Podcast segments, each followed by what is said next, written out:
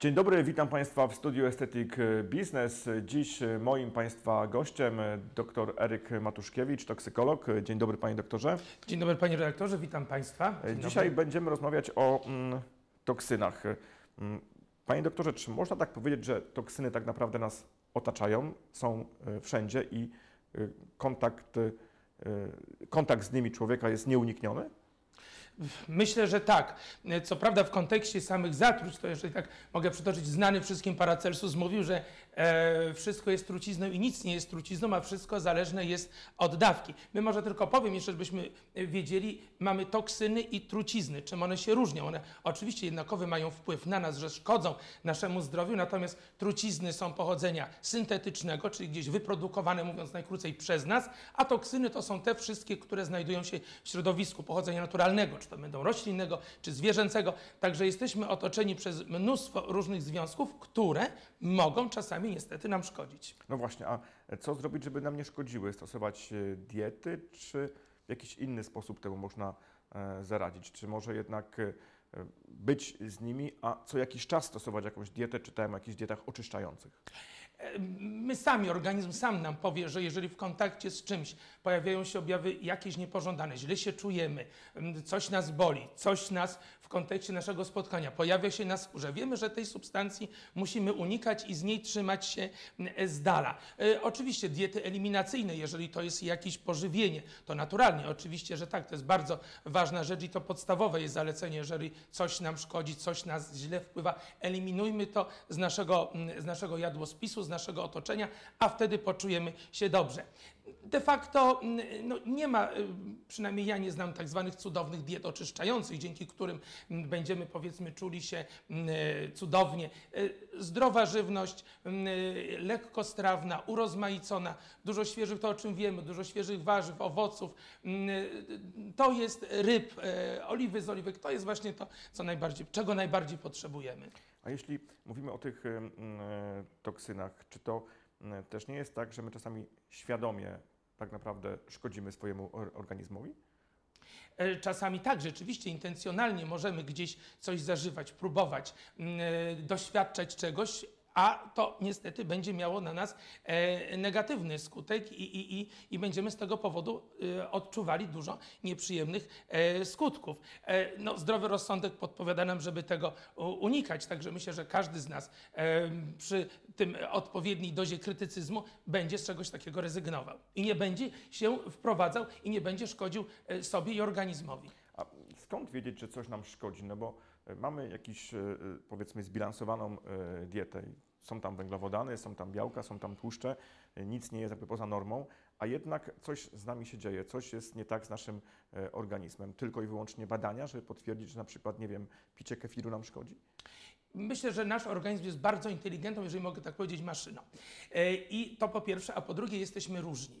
I to, co dla jednego jest dobre, niekoniecznie musi być dla mnie e, dobre. I ja z mojej obserwacji, czy z mojego doświadczenia dotychczasowego wiem i podpatrzyłem, że organizm sam daje nam znaki, że na przykład pewna e, żywność, pewne e, kosmetyki, pewne produkty źle na nas wpływają. To, że pomogły 10 osobom i dla nich było odpowiednie, to oczywiście ja to akceptuję, ale niekoniecznie musi pomóc mnie. Także musimy obserwować siebie, wsłuchiwać się we własny organizm, bo on naprawdę jest szalenie inteligentny i on naprawdę będzie dawał nam znaki.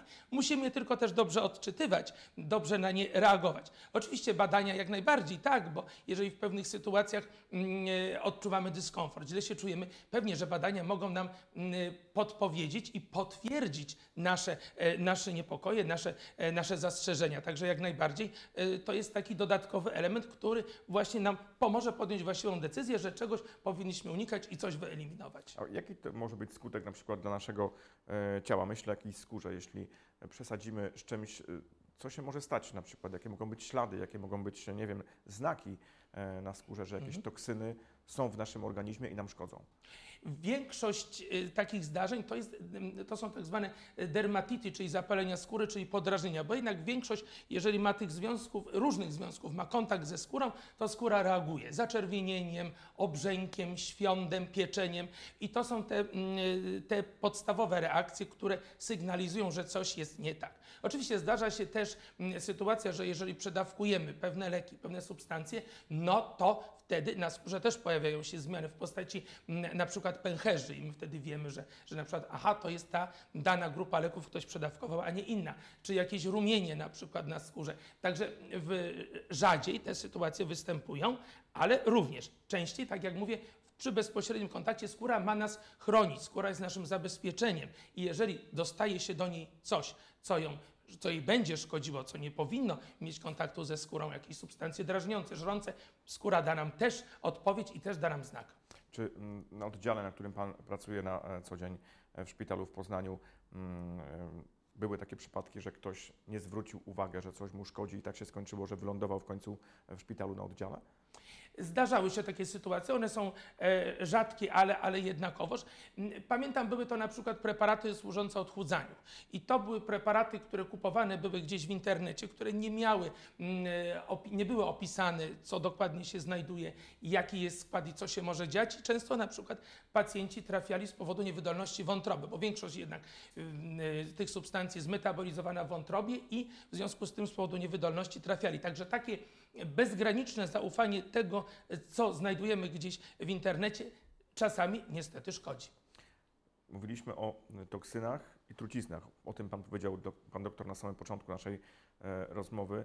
E, te trucizny to chyba już wybieramy świadomie. Mam tu na myśli e, chociażby dopalacza. No, jeśli ktoś sięga po coś, tak, po coś takiego, to musi być chyba świadomy tego, że, że to może naprawdę e, spowodować, że szkodzi jego zdrowiu, a nie daj Boże i, i życiu.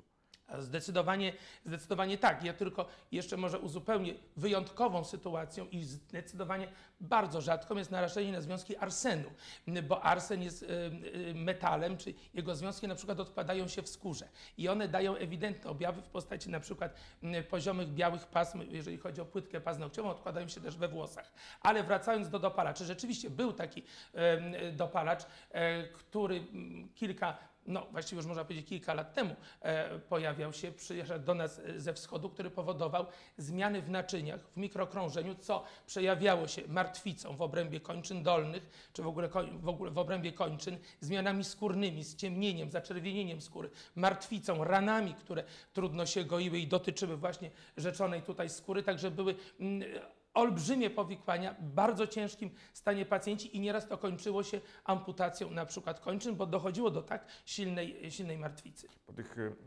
informacjach medialnych, które przez kilkadziesiąt dobrych miesięcy przewinęły się e, w różnych, e, w różnych mediach, e, świadomość chyba młodych ludzi jest większa, wiedzą co to jest dopalacz? Zdecydowanie tak. Ja patrząc na przestrzeni lat, bo z tymi tak zwanymi dopalaczami mamy kontakt od 2008 roku, one wówczas po raz pierwszy pojawiły się w Polsce. Te wszystkie działania profilaktyczne, które miały miejsce, i czy to były policji, czy różnych instytucji pozarządowych, samorządów, szkoły, to rzeczywiście dało efekt i na przestrzeni tych kilku lat widzę, że Rzeczywiście, per saldo mamy mniej takich pacjentów, którzy do nas trafiają. Zmienia się też struktura, to znaczy nie są to osoby pierwszorazowo używające, bo pewnie rzeczywiście ten, e, o czym mówimy, ten przekaz do nich dotarł i zdrowy rozsądek doszedł do głosu, tylko są to osoby, które są uzależnione i których mają po prostu przymus zażywania i trudno z powodu tejże choroby odmówić i, i, i zrezygnować z używania. Także tak, rzeczywiście mogę powiedzieć, mamy mniej pacjentów i, i jest ten trend, mm, jesteśmy w regresie na szczęście. Trochę zmieniając temat, w swojej karierze zawodowej miał Pan doktor mm, kontakt też z takimi pacjentami, którzy zażywali jakichś produktów kosmetycznych, używali ich, może tak to będzie lepsze słowo, no i niestety coś się stało. Nie tak e, zadziałał ten, ten, ten, ten preparat, e, że doszło do jakichś e, powikłań. Mm, Czy są też takie przypadki, że ktoś po prostu sięga po jakiś produkt kosmetyczny i niestety czegoś nie, doty, nie, doczy, nie doczytał w ulotce i później jest z tym problem? Zdarzają się rzeczywiście takie sytuacje, mniej z perspektywy oddziału, ale bardziej z perspektywy e, telefonicznych konsultacji, które, e, które, e, których udzielamy. Dotyczy to przede wszystkim na przykład używania kosmetyków, maści, leków w zbyt dużym stężeniu, aplikowanych na skórę, nakładanych dobrej wierze oczywiście po to, żeby, żeby zyskać ten efekt leczniczy, ale to duże stężenie, bo często pacjenci myślą, aha, że jeżeli wezmę na przykład częściej albo wezmę w wyższym stężeniu, to szybciej pokonam jakąś chorobę skóry i będzie mi lepiej. No nie, okazuje się, że wtedy jest efekt odwrotny, pojawiają się działania niepożądane mm, i problem, bo oczywiście trzeba leczyć i chorobę podstawową, i tę chorobę, która wynika po prostu z niewłaściwego e, używania. Nie ma drogi na skróty. Jeżeli jest dany preparat o danym stężeniu, o danej formule i sposobie dawkowania, to po prostu trzeba tego przestrzegać, bo jeżeli będziemy, nie będziemy tym podążać za y, tymi y, zaleceniami, no to wtedy będziemy mieli niestety duże problemy. No, produkty kosmetyczne możemy kupić e, w drogeriach, możemy kupić w sklepach kosmetycznych. No nie zawsze, m, pewnie bardzo rzadko konsultujemy je z lekarzem, a nie powinno właśnie być tak, że właśnie to może kontakt z lekarzem, kosmetologiem, kosmetyczką powinien być tym pierwszym takim jakby e, krokiem do tego, że powinniśmy czegoś używać e, Myślę, że to jest dobry pomysł, dlatego że też przychodzi mi do głowy jeszcze inny problem. Często pacjenci używają różnych preparatów, bo myślą, że to używanie z różnych grup i naraz spowoduje, że będzie, że będzie lepiej, że ten efekt leczniczy będzie dobry. Niestety, nieraz tak jest, że te preparaty wykluczają się nawzajem, wchodzą w interakcje i dzięki temu i przez to, przepraszam, bardziej nam szkodzą. Także rzeczywiście warto zapytać kogoś, kto mm, się na tym zna, ma fachową wiedzę, tym bardziej też, że tych preparatów jest bardzo dużo na rynku i możemy wybierać i przebierać jakiekolwiek e, chcemy. Także żebyśmy nie cierpieli z tego powodu, bo możemy naprawdę bardzo łatwo przesadzić i bardzo łatwo sobie zaszkodzić. Także to nie zawsze ta, ta, ta wielość i ta, ten duży wybór, który mamy, no, nam sprzyja, bo czasami możemy po prostu tutaj zabrnąć w ślepą uliczkę. Także dobrze mieć przewodnika, który powie nam, jak dawkować, co dawkować i jak używać. temat, który przez ostatnie kilka miesięcy przewija się e, na całym świecie, COVID-19. E, mm, Wiemy już, w jaki sposób można tym się e, zarazić. Wiemy, że istnieją szczepionki, które mogą pomóc lżej przejść tę chorobę, ale czy wiemy już o tym, jakie są powikłania po e, e, e, COVID-19? Czy udało już się lekarzom dojść, co się może stać z naszym organizmem, kiedy zachorujemy na COVID-19 i jakie mogą być skutki tej choroby? Jakiś czas temu czytałem publikację, która mówiła nie bez przesady, że praktycznie powikłania mogą dotyczyć wszystkich objawów i wszystkich narządów, które się znajdują. Oczywiście najwięcej powikłań dotyczy układu krążenia, układu oddechowego, bo układ oddechowy to jest ten, mm, to miejsce, gdzie wirus atakuje nas przede wszystkim i po pierwsze. I stąd te powikłania mogą dotyczyć również tych narządów. Ale na przykład wiem, bo zgłaszali się pacjenci, którzy mieli na przykład zaburzenia naczyniowe. Co to znaczy? To znaczy, że mm, e, najczęściej palce u, u, u stóp siniały, robiły się czerwone, nie bolały, tylko zmieniały zabarwienie i skóra nie była zmieniona, nie była owrzodziała, tam nie było jakiejś rany, po prostu zmienił się kolor i tyle. I to wynikało właśnie z zaburzeń krążenia, tego mikrokrążenia, tego drobnego w tych najdrobniejszych naczyniach. U dzieci to jest właściwie tylko właściwie u nich zespół pokowidowy, który charakteryzuje się i mm, objawami ze strony mm, układu mm, trawienia, bóle brzucha, nudności, wymioty, układu oddechowego, ale też i skóry. I tam na, na skórze pojawiają się w różnej lokalizacji zmiany o charakterze, w kształcie takich pierścieni, krążków, różowe, czerwone, także to, to też się obserwuje i z tego powodu, to wiem e, od pediatrów z kolei, że dzieci z tego powodu trafiają na przykład do szpitala i nawet muszą w tym szpitalu pozostać, żeby poobserwować, czy ta, jaka jest dynamika powiedzmy zmian. Także rzeczywiście tych powikłań jest, jest całkiem sporo. Tych powikłań może być jeszcze więcej, bo jakby nie było, choroba chyba nie jest zbadana jeszcze do końca.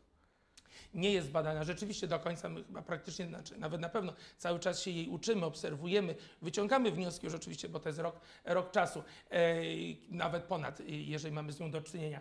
Ale tak jak mówię, te e, powikłania mogą dotyczyć e, różnych, naj, wszystkich praktycznie układów i narządów, począwszy od właśnie ośrodkowego układu nerwowego skóry, układu trawienia, krążenia, funkcji naszych e, poznawczych, o czym mówi się e, niektórzy może trochę z przymrużeniem oka o mgle pokowidowej, gdzie rzeczywiście zdolności myślenia, kojarzenia są troszeczkę gorsze. Jesteśmy, mamy poczucie, jakbyśmy byli trochę, trochę spowolniali. Także może nie wszystko jeszcze pewnie wiemy, może część jeszcze rzeczy się dowiemy. Oczywiście to nie znaczy też, że jeżeli te powikłania są, to one u mnie muszą być. Ja sam jestem po przechorowaniu COVID-u i na szczęście odpukać mogę powiedzieć, nie mam żadnych powikłań, z czego oczywiście bardzo się cieszę, też jestem zaszczepiony. Jeżeli tu mogę zachęcić Państwa również do tego, do tego aktu, do, tej, y, do, do, do, do zaszczepiania się.